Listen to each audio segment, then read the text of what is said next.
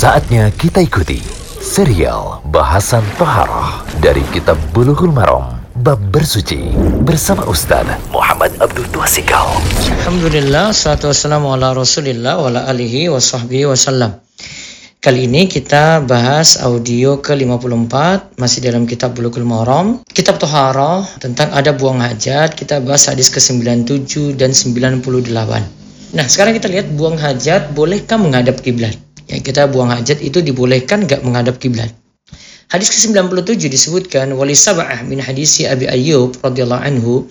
Menurut yang tujuh dari hadis Abu Ayyub radhiyallahu anhu, la tastaqbilul kiblata bi ghaitin wala baulin walakin syarriku aw gharribu. Janganlah buang hajat atau kencing menghadap kiblat atau membelakanginya akan tapi menghadaplah ke arah timur atau barat. Ini karena kondisi di Madinah ya, timur atau barat itu yang menghadap atau membelakangi kiblat. Nah kalau di negeri kita berarti utara atau selatan.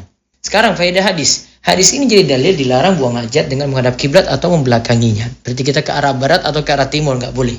Terus yang kedua, larangan di sini adalah larangan haram menurut jumhur ulama. Namun yang ketiga, larangan menghadap kiblat ataupun belakanginya berlaku di tempat terbuka, bukan di dalam bangunan.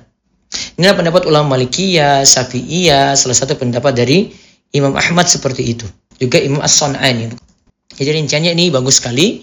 Jadi kalau dalam bangunan, kita dalam toilet, terus di situ menghadap kiblat ataupun belakanginya, itu tidak masalah. Terus yang berikutnya hadis ke-98 disebutkan wajib menutup diri ketika buang hajat nih. Jadi hadisnya dari Aisyah radhiallahu anha sesungguhnya Nabi Shallallahu alaihi wasallam bersabda, Barang siapa hendak buang air, maka hendaknya ia membuat penutup atau ia menutupi diri. Wa an Aisyah radhiyallahu anha anna Nabi sallallahu alaihi wasallam qala man atal ghaita falyastatir. Hendaklah ia menutupi diri. Rawahu Abu Dawud tadi diriwayatkan oleh Abu Dawud.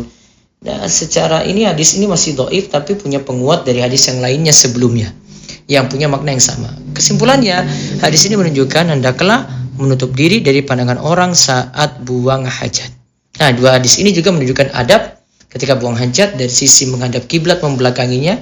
Ya, artinya kalau dalam bangunan masih boleh, sedangkan untuk kita ketika buang hajat, ya baiknya menutupi diri. Ya, jadi di dalam bangunan itu lebih aman.